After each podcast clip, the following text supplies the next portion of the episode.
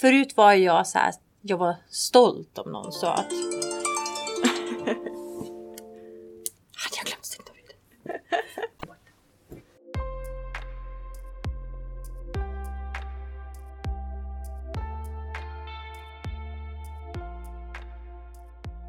Hej!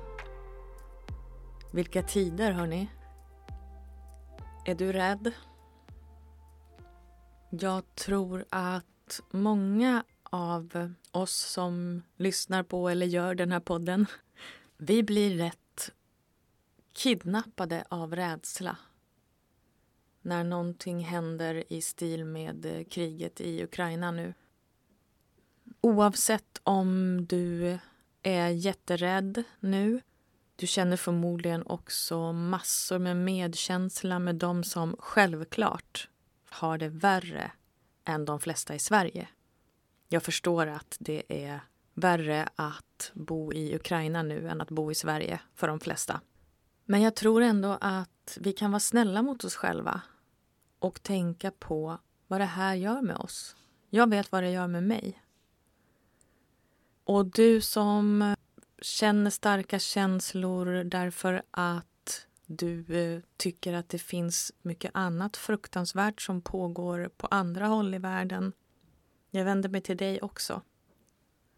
Kanske har du stora trauman med stort T eller små trauman som väcks upp igen.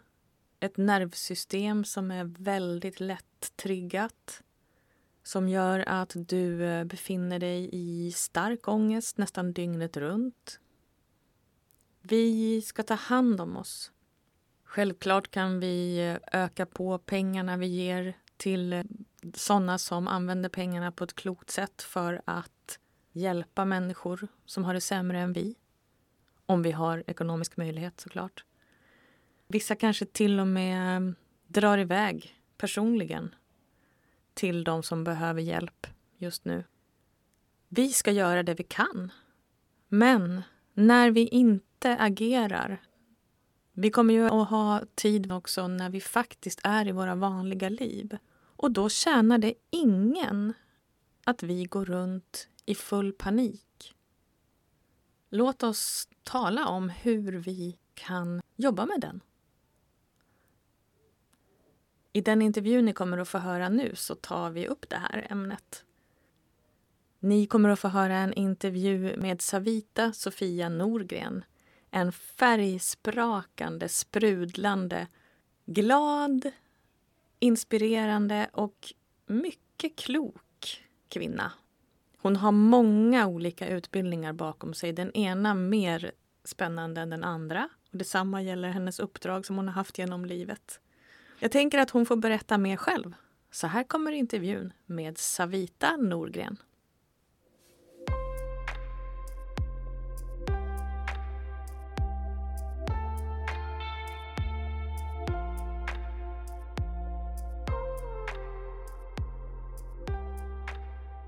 Välkommen Savita! Tack! Ja, vi sitter här i Borlänge nu och Eh, jag kom i kontakt med dig första gången utan att du visste om det. För jag hade ont i nacken, ont i käkarna eller spända käkar. Och ibland hade jag ångest eller andra problem. Och det jag gjorde då var att söka på nätet och så hamnade jag på de här fantastiska videorna som du hade lagt upp. Åh, vad fint! Det var Ja, det var så eh, tröstande och omhuldande. Så jag känner nu när jag har en egen podd och den tjänar till att människor som har mått som jag och jag ska få hjälp att, att blomstra och, och må gott igen. Mm. Så kände jag vilken person är mer perfekt att intervjua än dig. Ja, vad fint. Vilken ära. Tack snälla. Och sen har jag ju förstått att du har ju gått vidare och eh, nu så jobbar du mycket med personlig utveckling. Så ska vi börja med att du berättar vad du har för bakgrund i utbildning till exempel? Mm. Alltså personlig utveckling har jag nog hållit på med hela livet. Jag kommer ihåg att jag startade bolag, jag kan inte vara långt över 20, jag kommer inte ihåg. Men då jag skrev att jag var, alltså jobbade med mental träning och hade föreläsningar och sånt. Så det började väldigt tidigt. Men nu är jag 50 och med resans gång så har jag ju utbildat mig massor. Men några grundläggande utbildningar som betytt mycket för mig det kanske är att jag är yogalärare och coach inom NLP, neurolingvistisk programmering, alltså hur man kan ändra sina tankar och liksom ändra sitt mående. Och sorgebearbetning har också betytt mycket för mig och traumayoga bland annat. Det låter ju jättespännande. Om vi, om vi börjar med om du har några tankar om hur kroppen hänger ihop med tänkandet eller um, alltså hur, hur kroppen kan vara kompis eller inte kompis med hur vi beter oss. Mm. Jag brukar, så här ser jag det, att vi har kropp, ett sinne, alltså hjärnan, mindet och en själ. Nu vet jag inte om alla tror att man har en själ, men jag tror att vi har en själ också. Så jag tänker att Eh, min största konflikt, eller många människors konflikter tror jag beror mellan att hjärnan, mindet vill en sak och kroppen en annan. Vi säger att jag kanske vill prestera jättemycket men kroppen är trött. Eller jag tycker att jag borde gå till jobbet fast jag är förkyld. Och ni vet så att man har så mycket att göra. Och att eh, mindet, eller som jag kallar det, egot, liksom, vill ofta vara i prestation och vara duktig och driva sig själv framåt. Ha liksom ett driv, ett begär kan jag se många gånger. I alla fall har det varit så för mig. Medans kroppen har behov. Så vi säger att jag har ett begär, jag vill springa ett maraton, jag vill springa tre maraton eller jag vill gå längre på karriärstegen. Liksom. Det kan ju egentligen bli liksom begär eller att jag har målsättningar. Medan kroppen kanske har helt andra behov. Så för mig var det så i alla fall när jag jobbade för mycket och, så här, och drev mig själv för hårt så ville ju egentligen kroppen bara sakta ner och ta det lugnt och behövde vila. Och då tror jag konflikten kommer i många av oss för att då vill jag inte vila. Du vet fast kroppen kanske talar om att nu har jag ett brutet ben eller nu är du förkyld eller så. Utan att man fortsätter att jobba för mycket eller driva sig för hårt eller träna för hårt och sådär. Vad det nu kan vara.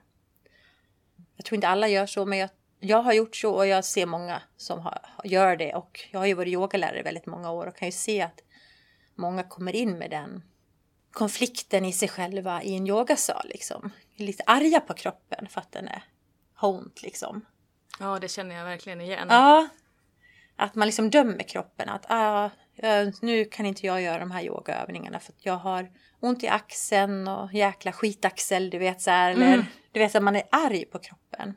Och då kan jag, har jag lärt mig på den här resan att jag tycker inte de där övningarna vem, vem säger att de är viktiga? Även om jag är yogalärare, det är inte så att du behöver göra alla övningar. Det viktiga är ju att vara snäll mot kroppen, har jag lärt mig. Mm.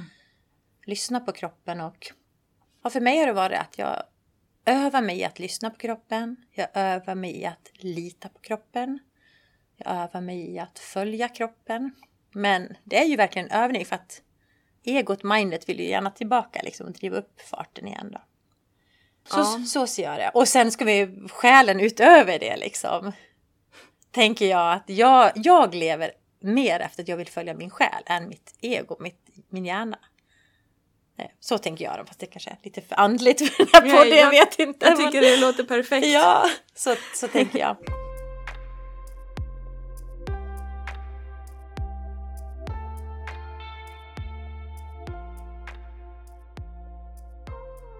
Jag känner ju igen mig så mycket i det du pratar om. Hur är det med dig? Det låter som att det kan vara egenupplevt.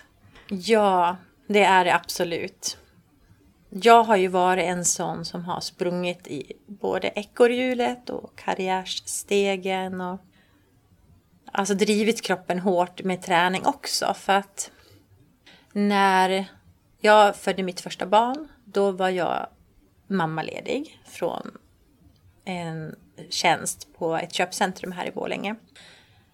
Så min son var bara några veckor gammal när jag köpte en konkurshotad träningsanläggning i Falun med en kollega. Och tänkte att det där kan jag göra på min mammaledighet, det blir jättebra. Bara där hör ni ju liksom hur fel jag tänkte. Ja. Så vi tog över den, eh, började driva upp den igen för den var liksom nära konkurs när vi tog över den då. Eh, jag fick ett barn till. Jag hade kvar mitt jobb på Kupolen. Jag jobbade även med den här träningsanläggningen som vi drev. Eh, vi hade två små barn. Nu har jag tre, men den här perioden hade jag två små barn. Min man jobbade borta i Stockholm i veckorna. Och jag hade som mest nio klasser i veckan med step-up, spinning, yoga och sådana saker. Oj, oj, oj. Eh, och jag bodde i Borlänge och den här träningsanläggningen var i Falun så det är liksom två mil emellan då. Så så såg mitt liv ut och jag ja, sprang i vardagen med de här barnen, var alltid stressad. Och de här jobben och alla de här klasserna, alla kvällarna jag var borta och så. Och barnen fick ju liksom hänga med på en höft typ. Och min pappa han sa jämt Du bränner ljuset i båda ändarna, mm. sa han. Och ni vet, även fast man är vuxen så kan man bli som en tonåring. När en förälder säger åt en, vet så här som man bara ja. Håll truten, du vet. Så här, man, man blir så irriterad och helst när någon säger en, en sanning också som man inte vill höra. Så det, jag vart ju väldigt irriterad på att han tjatade om det där jäkla ljuset hela tiden. Att jag brände det i båda ändarna. Men långt senare förstod jag ju att, ja innerst inne förstod jag ju redan då att han hade rätt. Men långt senare var det ju, jag är jättetacksam att han sa det till mig hela tiden. För att det var ju ändå ett problem som jag behövde titta på. Men min kropp började må dåligt, på tal om det här konflikt med kroppen. Min kropp förstod att inte det här var bra. Så jag fick tinnitus. Jag fick hälsporre som höll i sig i flera år. Jag fick ehm, eh, ischias i en höft. Jag fick IBS, magkatarr liksom symptom. Så att min kropp liksom började trycka på den här röda larmknappen. Det är på fler och fler ställen. Så till slut Tinnitus gjorde att jag inte kunde köra mina klasser för det var ju musik och hälen gjorde att jag inte kunde gå och träna. Du vet, så att det, kroppen började stänga ner. Och jag fick en panikångestattack en dag och hamnade på akuten och de satte på EKG och kollade om jag hade hjärtinfarkt. Och så sa läkaren till mig, kom in efter ett tag och så så här, nej men det är inget fel på dig, du är i sån fin form. Jag hade ju trots allt nio träningspass i veckan så jag var ganska vältränad. Men han sa så här, du är bara stressad sa han. Ah. Och så fick jag åka ut från akuten och lämna plats till bättre behövande på akuten såklart. Ah. Men då kommer jag ihåg de här orden ekade liksom i mitt huvud. Så här, bara stressad, bara stressad. Och jag förstod inte alls hur jag skulle lösa det problemet. Fast jag var yogalärare och jag höll även meditationsklasser.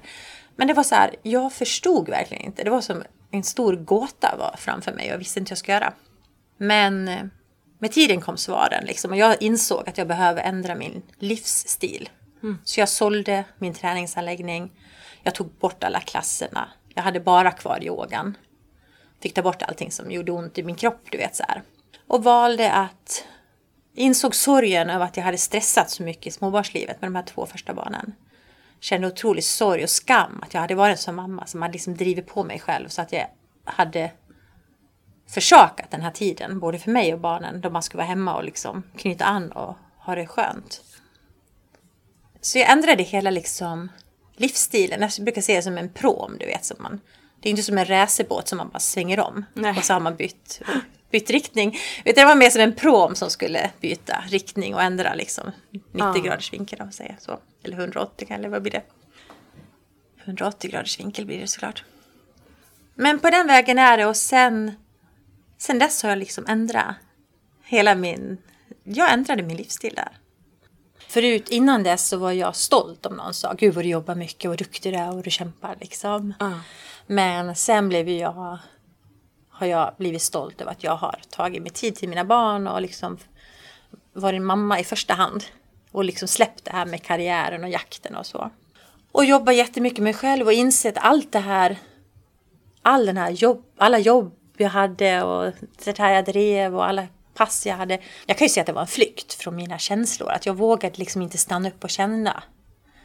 För då kanske det kom sorg och ensamhet och liksom oro och sådana saker. Så istället för att känna hur jag mådde så liksom höll jag farten uppe och sprang vidare helt enkelt. Så den resan har jag varit på. Jag satt precis och tänkte varför brände du ljuset i, i båda Ja. ändar? Det, det är spännande att du har en, en tanke om varför du gjorde det. Mm. Jag tror att många av oss har, kan ha en ångest och liksom om man inte törs känna den, för jag tror att det är naturligt att ha ångest, jag tror inte det är så farligt egentligen, men vi tycker det är obehagligt. Och då är det obehagligt och då vill jag gärna bedöva den. Eh, Så kanske jag bedövar den här ångesten med mat, eller med spel, eller med ett beroende.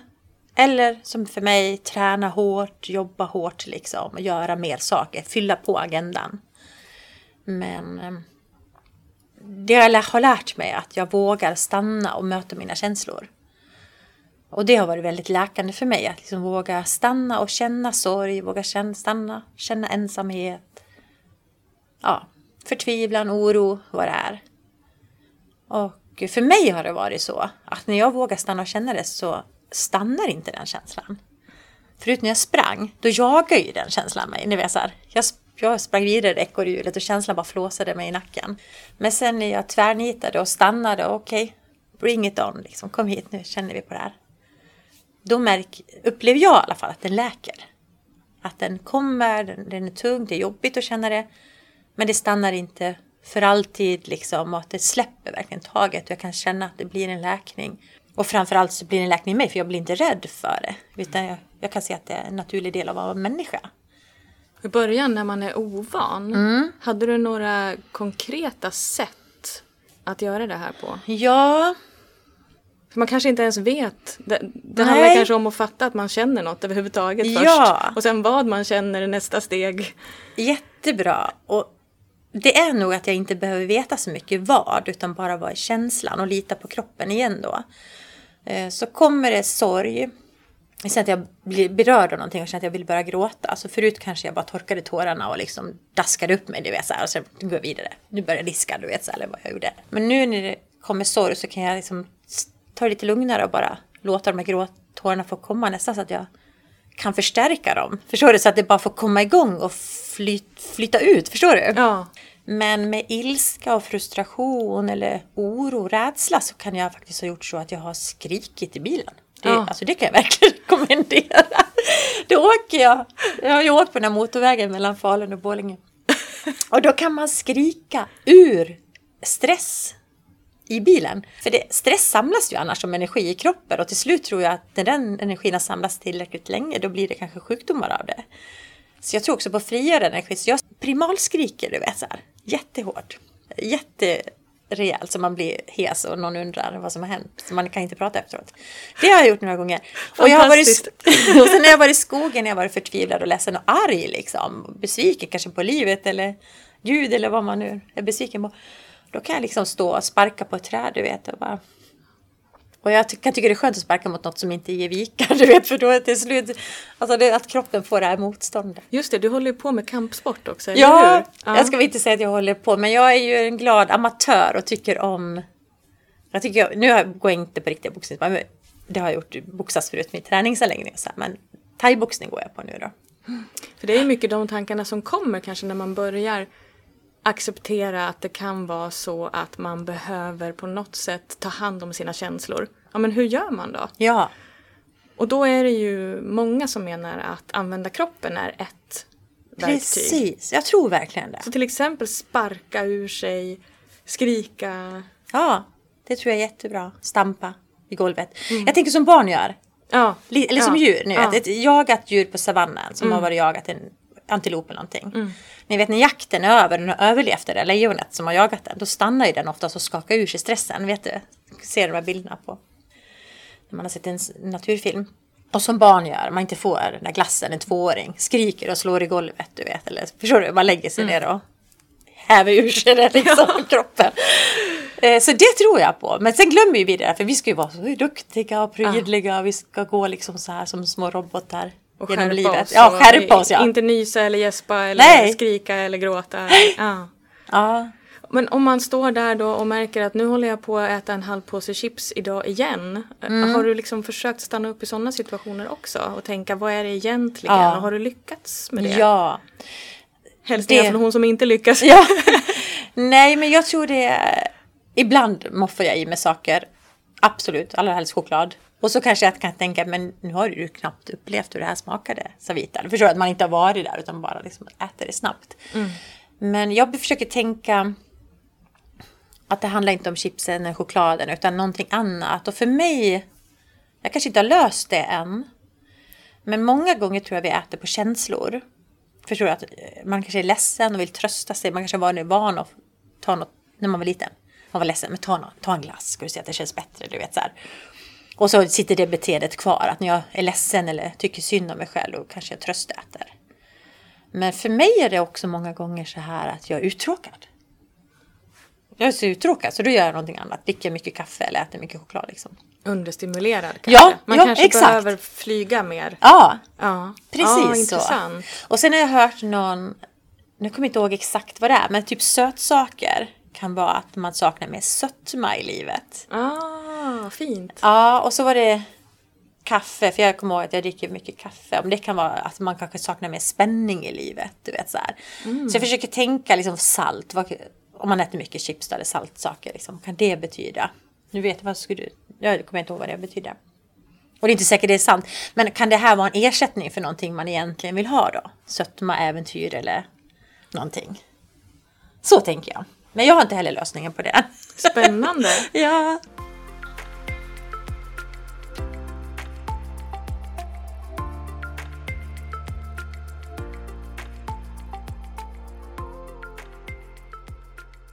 Jag vet att du har pratat en hel del om skam. Och det kommer jag att tänka på nu när vi pratade. Det känns som att tankarna går ganska direkt dit.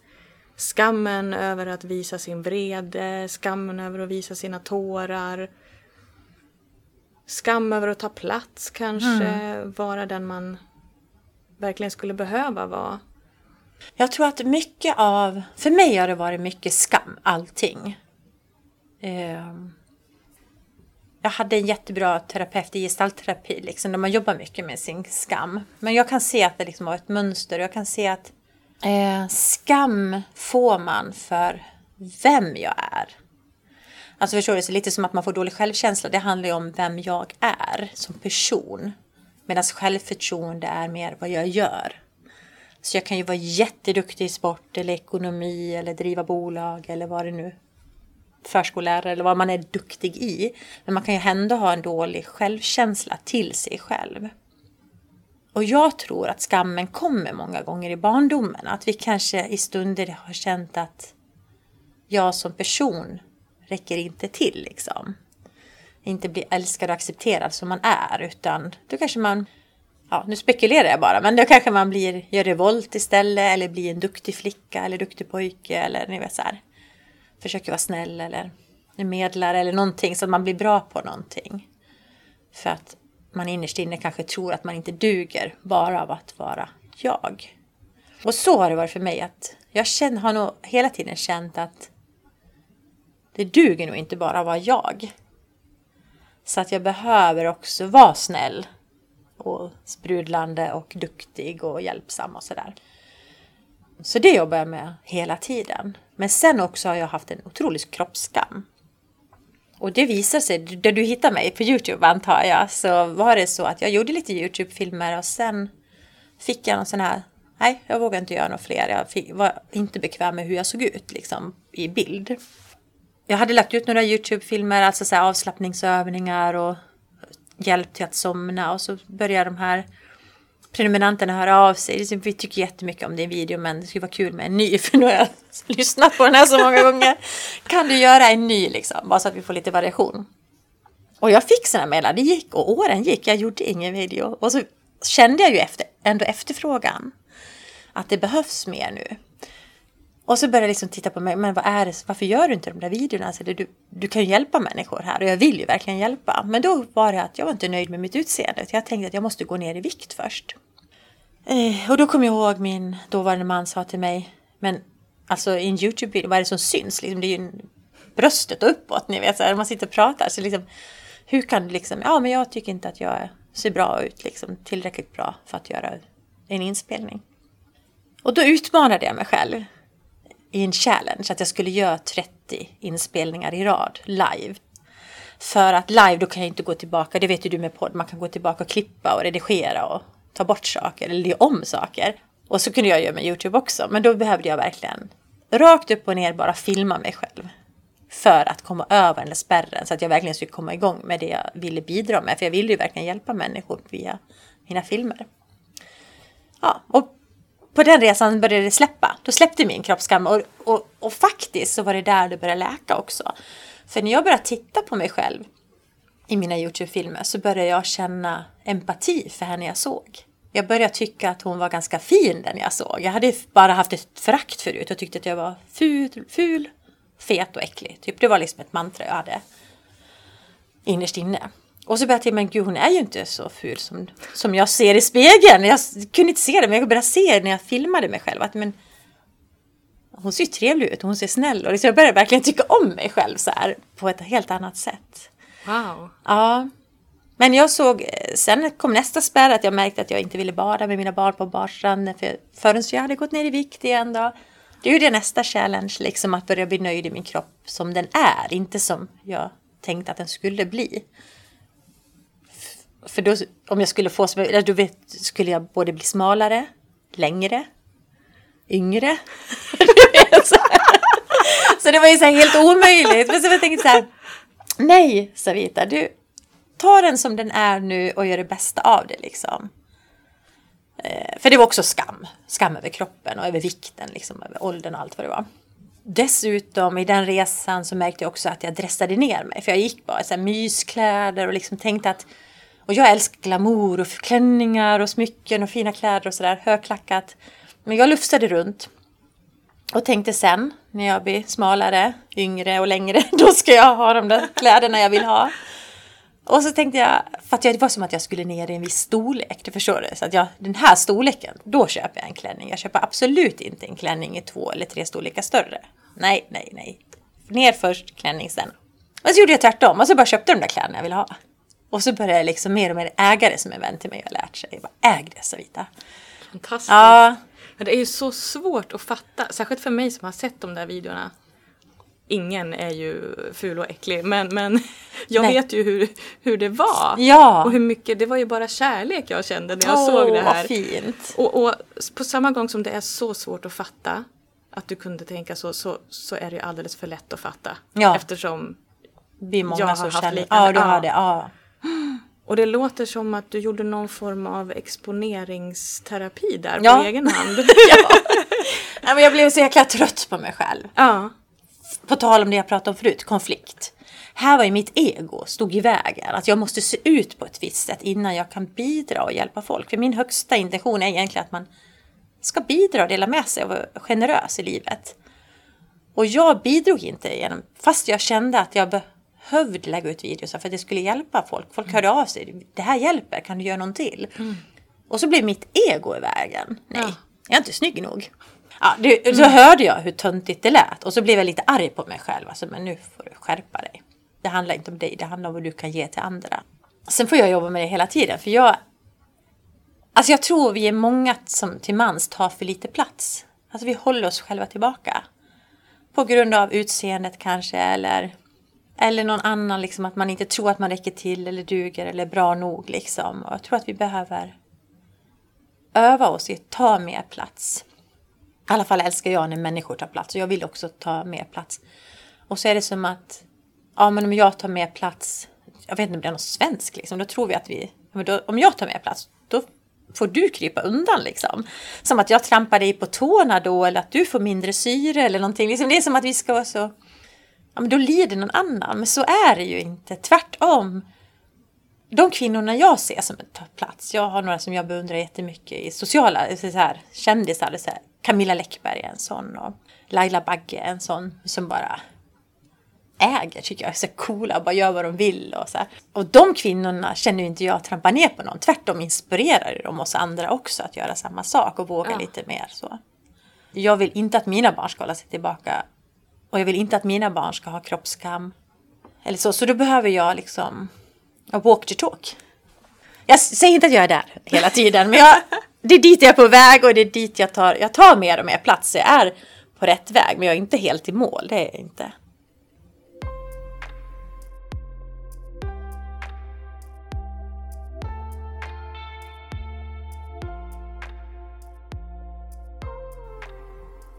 Du verkar också som att du kanske på senare tid har börjat ta plats med vad du tycker och våga vara modig så. Är det också någonting som du har jobbat med som, som var svårare förr? Nej, jag tror nog att jag har haft det med mig sedan barnsben kanske. Jag har nog... Jag vill i alla fall tro att jag har varit en sån som har sett utanförskap eller se orättvisor och sådär och våga haft ett så här civilkurage. Och se ifrån eller göra rätt liksom eller kanske gå emellan när det behövs och sådär. Men eh, absolut säkert mer när man blir äldre. Nu är du yngre än mig. Men jag tänker att när man kommer upp så här i medelåldern och 50, man, man börjar bli lite så här bitchy liksom. Man bara orkar inte tänka så mycket på vad andra... Man blir lite coolare, förstår du? Skönt, så du blir ja. inte, kan inte, det är inte så ofta i alla fall som du får efteråt, vad sa jag och Nej. varför la jag ut det där nu? Och... Nej, inte så ofta, men det händer. Men däremot så kan jag nog bli, det där skulle jag ha sagt för länge sedan. Ah. Äntligen, nu jäklar. Det där skulle jag fräst ifrån för länge sedan. Men på tal om skam ska jag bara säga så. När man gör någonting utanför boxen, på tal om att ta plats. Vi säger att man ser sig själv att man har en liten, en liten ringhörna, en liten fyrkant som du står i. Fast egentligen skulle du vilja att den var flera kvadratmeter större. Du vill att din box är större för du vill egentligen nå dina drömmar eller förstår du, uppfylla saker. Men du vågar inte så du har gjort din egen lilla box trång. Och då när man tar ett, stretchar sig själv och gör någonting som man inte har vågat förut. Kanske gör ett inlägg. Första gången jag gjorde ett inlägg där med kroppspositivitet, liksom lite så här bikinibild och visa mage, du vet så här. Fast inte magen var platt, utan visa den ändå. Då tog jag ett steg utanför min box och gjorde någonting som var ovant för mig. Då slår det an skam, ska jag bara säga. För då kan det skölja över ångest över en. Och det lärde jag mig. För då kan det kännas jätteobehagligt. För då har man gjort, man stretchat sig själv lite för långt. Du vet, så när, som när längdskidåkarna har tagit ut sig jättehårt på ett lopp och så kräks de. Du vet, ja. Lite så kan det kännas. Man bara, vad gjorde jag nu? Liksom, nu? Nu gick jag för långt. Men då har jag lärt mig att stanna med känslorna, sitt kvar med ångesten. Du har gjort någonting utanför boxen. Och det känns obehagligt för du har aldrig gjort det här förut. Och så klappa sig själv lite på axeln. Vad modig du var. Lite så. Men förut kunde jag ju bara bort med det, bort med det. Så raderar man det där då. För att då försvann ju ångesten. Men om man stannar kvar och tänker att nu har jag stretchat mig utanför min box, utanför min comfort zone. Och det är jättebra för jag vill öva mig att stretcha för jag behöver ta mer plats. Jag vågar inte vara mig själv än. Så jag övar mig att ta, vara mer mig själv. Jag kan själv känna när jag går lite utanför det, de gängse åsikterna att det kan vara jättejobbigt att stå kvar i det, stå rakt när det börjar blåsa. Mm. När alla andra kanske, man vet inte vad de tycker. Nej. Men man kanske inbillar sig att de tycker något. Ja. Har du... Om det blir tyst, då tänker man, då vet man ju ja, verkligen. Då har man ju... Då har man verkligen då kan man hitta på, då kan man hitta på vad som helst i sitt huvud också. Ja, Men ibland verkligen. kanske det stämmer också. Ja. Om det blir helt tyst. Att de faktiskt har reagerat negativt. Exakt, ja så kan det vara. Ja, jag tror de jag har coachat genom åren och de jag har följt många och inklusive mig själv så tror jag vi är väldigt, väldigt många som är rädda för vad andra ska tycka. Att det är typ den största rädslan. Jag vet inte om det är sant, men jag upplever att det är så. Att vi är så himla rädda för vad någon annan ska tycka. Så då törs vi inte liksom leva ut fullt ut, på tal om skammen igen då. För då törs inte jag visa fullt ut vem jag är, utan jag måste liksom passa in och så. Men jag, för min egen del, för det första har jag tänkt så, men vem orkar bry sig liksom av lilla mig alltså? Det är inte så många. Alla har ju fullt sjå med sina egna liv och sina egna egon och sina egna vägar. Så att vem orkar liksom haka upp sig på min väg? Så att jag får liksom ta bort det där. Alltså, vem bryr sig egentligen? Och sen de som bryr sig. De, så länge de övervägande är positiva så tänker jag då är jag på rätt väg. Och jag vill hjälpa, jag, min intention är att hjälpa människor. Så, så länge jag känner att hjälper det här liksom någonting så är jag på rätt väg. Men sen kommer jag på sociala medier är det ju alltid, om man är där och jobbar, liksom, det kommer alltid finnas några haters. Liksom. Det har jag också lärt mig. För förut ville jag att alla skulle heja på, och alla skulle tycka om mig och alla skulle liksom vara välvilliga. Men nu har jag lärt mig att när jag får lite friktion och någon stör sig eller irriterar sig eller då har jag lärt mig att då är jag ännu mer utanför boxen, min egen trånga box. Och då har jag, det är bra. Förstår du? Ja. För att jag, så länge jag är kvar i boxen, då tycker ju alla om mig och då gör jag ju ingenting som är outstanding för mig själv alltså. Men jag vill ju göra större saker i livet så då behöver jag ju ta större plats och våga mer så här. Så nu har jag hittat, i mig personligen har jag hittat, jag har hittat en liten så här inre bitch. Jag har hittat en liten så här badass energi i mig själv som gillar också när folk irriterar sig. Och den energin, ja faktiskt. Jag, kan, jag kanske inte ska rekommendera den till någon, men för mig har det varit bra. För förut var jag inne väldigt mycket på det andliga spåret och yogaspåret. Och för mig hade jag då en bild av att när man är andlig så är man så ljus och from och snäll. Och, ja, men du vet, man är bara mjuk och god hela tiden. Och liksom som en liten mjuk gren som bara viker sig för vinden så här. Och, och ingenting fastnar, du vet, lite så här teflon och så. Man står där med sin aura och ljus, lyser. Men jag tycker det är tråkigt för jag är ju lite mer stilettklack och lite mer fart och lite mer smacka på energi liksom. Så när jag förstod att jag kan göra mer goda saker. För den här, för om jag tänker det, förstår du? Att jag kan göra mer goda saker om jag slår i klacken och vågar lite mer. Är lite mer badass. Ja, folk kommer störa sig liksom på att men jag kommer hjälpa desto mer. För när jag hittade den här badass energi, det var då jag började leverera liksom Youtube-videos och våga göra saker och sådär. Um, så en del i mig njuter av det där att irritera folk. Inte irritera alla, men vissa vill man. Vissa så här känner jag, det är bara bra om jag irriterar några, för då är jag på rätt väg liksom. Och det känner jag är så inspirerande. Är det? verkligen. Jag tycker det låter helt det, galet. där, Är det någonstans jag har långt kvar så är det där. Är det så? Ja. Och jag tror också att den energin, det, den kan hjälpa andra att hitta sin eld. Ja. Och det kan ju vara allt från att hitta rätt eh, försörjning, alltså att, ett yrke som man brinner för till eh, någonting annat.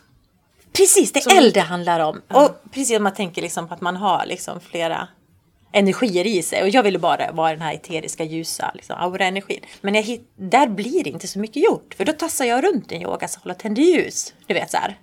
Elden i mig, hon driver framåt också. Alltså jag behöver i alla fall den energin.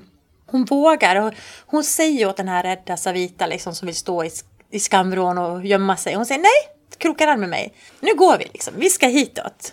Ja, det är verkligen hon som syns också nu på, på Instagram och, Ja, och, precis. och Facebook.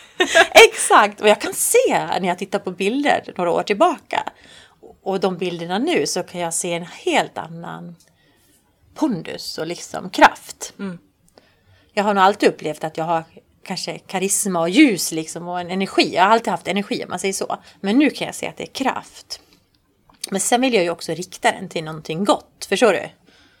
Jag vill ju använda den och jag tror att vi kvinnor, vi behövs ju i världen. Vi kan inte hålla på och gömma oss i våra boxar. Vi ska bara se hur världen ser ut nu liksom. I Europa här med Putin och så. Hade det varit gäng kvinnliga ledare så tror jag vi hade haft en helt annan världssyn. Förstår du? En, världsbild heter det kanske. Så vi kvinnor måste sluta liksom hålla oss själva tillbaka och ta mer plats. Vi har liksom en... Vi har väldigt mycket att ge. Och vi är liksom ledare, det syns ju i alla familjer. Vi har ju ledaregenskaper och, och vi har bra visioner för en familj och för en värld och liksom så. Så jag tror att eh, nej, men nu får vi sluta ursäkta oss och liksom steppa upp till de vi verkligen är.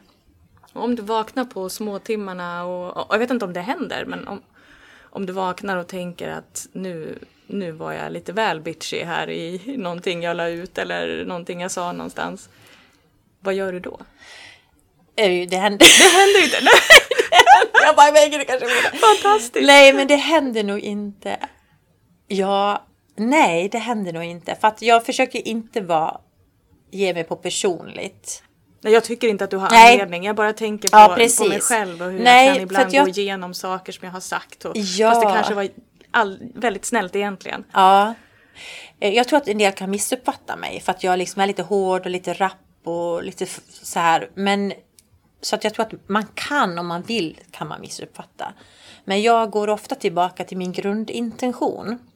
Men har jag sagt någonting som jag ser landar fel, då ber jag ju såklart om ursäkt och säger förlåt, det här landar fel. Jag menade så här. Jag ser att du jag ser att det inte landade så. Mm. Men det var det här jag ville säga och så försöker jag säga det med andra ord. Men annars, liksom, om jag har lagt ut något och liksom förmedlar något som är mer så allmänt, då funderar jag inte på det. För jag försöker ofta bara gå tillbaka till min grundintention. Vad är det jag vill säga från hjärtat? Eh, och från hjärtat, eh, mitt Instagram är ju liksom, det är ju inte personligt egentligen, utan det är ju liksom en, ett alter ego, eller vad ska jag säga, förstår det, så här, vad heter det? Personligt varumärke kanske mer. Och det är på Instagram jag jobbar mest. Men då är det ju, för mig handlar det också om att inspirera andra att stå i sin kraft. Ta plats, våga. Ehm, så även om det är en bild som kan se egocentrisk ut liksom, så känner jag nej, jag ska inspirera andra kvinnor liksom att eh, våga. Eh, och sen, på tal om det, ett sidospår här, men jag kan ju tycka att eh, eller jag älskar ju kvinnokroppen, jag tycker den är så vacker. Jag tycker alla eh, är vackra, men kvinnokroppen är jättevacker. Och så ska vi gå liksom och gömma den. Så jag skulle också önska att kvinnor blev mer bekväma i sina kroppar. Oavsett former, oavsett ålder, oavsett färg. Att man blir mer bekväm i sin kropp och känner att fasiken vad härlig den är. För den är ju, att det är härligt att vara en kropp. Men det är ännu härligare att ha en kvinnokropp liksom. Som är mjuk och sensuell och gosig och härlig och sexig liksom. Och våga börja bejaka det mer. För på tal om skam så tror jag också vi har något så här kollektivt skam långt tillbaka. Ja men hur klädde de sig på 1800-talet? Ni vet så inte vet jag, men mamelucker och långa kjolar och ja. höga kängor och uppknäppt krås och inte vet jag. Men förstår du, det är som att vi har dolt oss så mycket. Att det varit fult att vara vacker, att det varit fult att vara kvinnlig, att det varit fult att vara sexig. Liksom. Så det är också liksom ett mission jag har att nej men njut av din kvinnlighet, njut av din sensualitet. Njut av att vara liksom kvinna, för det är vackert. Mm. Oh. Ja. Så. Det kanske är lite sådana inlägg ibland kan jag tänka, undra om de fattar det här. Men, för då kanske de, man, man kanske bara ser en egocentrisk medelålders kvinna och tänker, gud vad hon för livskris. Men för mig handlar det om att kan jag njuta i min kropp så kan jag inspirera andra att göra samma sak. Jag förstår precis varför du gör det. Ja, vad bra, vad bra. ja, jag tror att de flesta gör det faktiskt.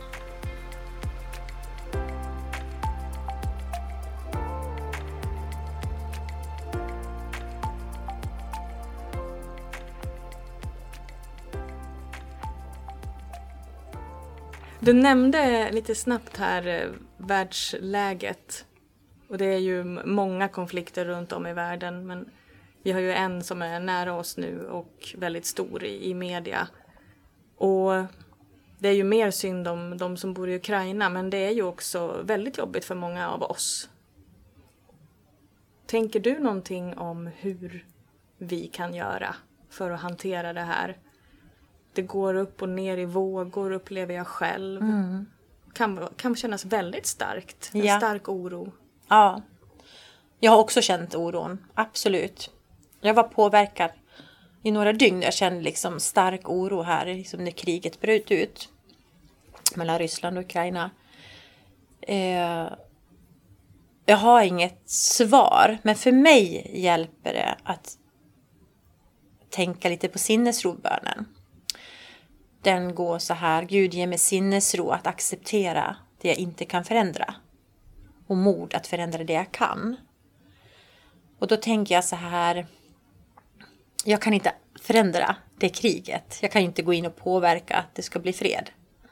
Ja, det kanske jag kan demonstrera och så här, men förstår du, det är ändå två flera makthavare liksom, som styr de här, som påverkar de här krigen om man säger så då. Och här är lilla jag. Så att ibland bara acceptera det, inte kan förändra. Men sen hitta det här modet och förändra det jag kan. Och för mig är det att stanna kvar i en trygghet, stanna kvar i ett lugn, att vara en förebild och ett tryggt ankare för de jag har runt omkring mig. Mina barn och liksom de som är närmast. Och sen såklart är jag för att liksom skicka pengar till hjälporganisationer eller att vi kan öppna våra hem eller liksom öppna upp Sverige för att ta emot flyktingar och sånt. Där. Men för mig personligen så Ja, jag har ju en tro också, en gudstro. Jag känner mig inte religiös, men jag har liksom tro att i saker och ting ingår i högre, en högre plan.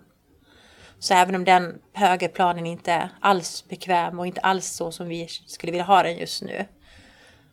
Så kan jag finna trygghet liksom och våga lita på den då. Det betyder inte att den är smärtfri, tvärtom liksom. Jag tänker att de som säger att eh, det är bra att vi är oroliga och vi behöver vara 100% informerade om exakt hur stort lidandet är. De kanske inte känner på samma sätt som jag. Eh, Nej. Jag tror att om det blir panik man känner så ska man undvika det. Ja, Man kan vara informerad och sen så kan man vara panikslagen och det är inte samma sak. just det. Men det är inte lätt att Nej, det är inte lätt. i. Nej, och jag säger inte att jag har svaret, men det som hjälper mig är att tänka, också som du sa, panikslagen blir man ju oftast om man skrämmer upp sig själv, förstår du? Och så för att fa faran är nära. Alltså, den, eller faran är nu, men just nu har vi ju ingen fara här. Så att det också påminner sig om nuet. Och sen lita på att människan är stark, att när vi står inför utmaningar och kriser så blir vi starkare och kärleksfullare och hjälpsammare. Så att kriser visar ju också på människans storhet tycker jag, förstår du, godhet. Ja, Så tänker jag, se alla de här polackerna som hjälper ukrainska flyktingar över gränserna. Alltså det är ju helt... eh, Så mycket kapacitet det finns i godhet hos människor. Så ja, det är el elände men det är också mycket, mycket storhet i oss som kommer fram tycker jag i kriser. Men ja, jag tycker det är ett svårt ämne för jag känner också att jag vet inte riktigt vad... Jag har inte svaret. Nej, jag håller med. Ja. Jag håller med. Jag tyckte det var intressant ändå det, det du sa. Just för en person idag i Sverige, en vanlig människa. Vad ska man göra med alla sina känslor i det här sammanhanget? Och då brukar jag tänka så här för min egen del, när jag blir lite fångad av oro eller rädsla eller ensamhet eller någonting. Så brukar jag gå tillbaka till det som jag känner mig lite, hur kan jag bidra, hur kan jag hjälpa någon annan? För att det kan också, eh, när jag blir orolig eller rädd, eller så här, det kan också vara lite egocentriskt om du missförstår mig rätt. Liksom. Jag, att jag blir ganska självupptagen med min egen rädsla. Och jag blir kanske panikslagen som du sa, eller paralyserad och får ingenting gjort. Eh, och jag är absolut inte till någon nytta. Inte för mig själv och inte för andra. Så att gå ut och göra en handling för någon annan. Jag tror jag tar mig ur min egen låsning annars. Liksom Rädslan upplever jag för för mycket för mig i alla fall. Den paralyserar mig. Jag blir liksom lite förstenad så här. Som att man ska ju fly, kämpa eller freeze. Du vet, frystillstånd. Jag kan bli lite i det här frystillståndet. Då blir det inget vettigt gjort.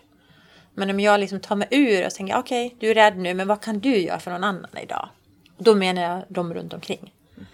Man kanske kan gå och handla åt en granne som har opererat knät, du vet, eller ta in posten eller skotta någons gård eller skicka pengar någonstans eller så. Så man liksom går ur sin egen rädsla och börjar bidra. Mm. Slutligen, någon som är, mår väldigt dåligt, kanske fysiskt eller psykiskt. Har du något så här, det första du kommer att tänka på, det viktigaste att skicka med? Ja, men jag tänker väl sök hjälp, tänker jag. Jag tror att vi, beroende på vad det är, men det är alltid bra att söka hjälp, så upplever jag det i alla fall. Professionell hjälp. Men ehm, ja, börja där så att man kan se, så att man kan reda ut. För att jag tänker, men, så, så har jag i alla fall tänkt alla år jag haft yoga och de kommer ha skador och så i kropparna. Då ber de alltid gå till liksom en läkare för konsultation först. Jag, kan, jag som yogalärare kan ju inte tala om vad du kan göra med din kropp om den är skadad. måste man känna själv. Och så lika med psykisk ohälsa. Man vet ju aldrig vad liksom graden går. Så det kanske är alltid bra att söka hjälp först. För jag tänker att när man blir tillräckligt sjuk, då kanske man inte ens förmår söka hjälp. Mm tänker jag med psykisk ohälsa i alla fall. Om eh, lyssnaren är intresserad av att höra vad du har att säga i andra fora, Ja, var kan de hitta dig då? ja, jag är mest aktiv på Instagram med lite filmer och mina inlägg. Eh, sen har jag haft en blogg sen länge tillbaka. där Jag skrev dagligen under väldigt många år. Den är inte aktiv nu, det är inte så att jag fyller på den nu, men det finns väldigt mycket klokheter att läsa där. Och den, jag ska så lova man hittar allting. Och sen har jag en YouTube-kanal också. Där, det, där du pratade om i början då, där det finns filmer och avslappningsövningar, meditationer och sånt. Och allting finns, allting går, går att hitta under Savita Norgren. Både Instagrammet, YouTube och bloggen då. Toppen! Vad fint! Tack för att du är en sån inspiration för mig och många andra. Tusen tack och tack för förtroendet att få vara med. Det var jätte, jättefint.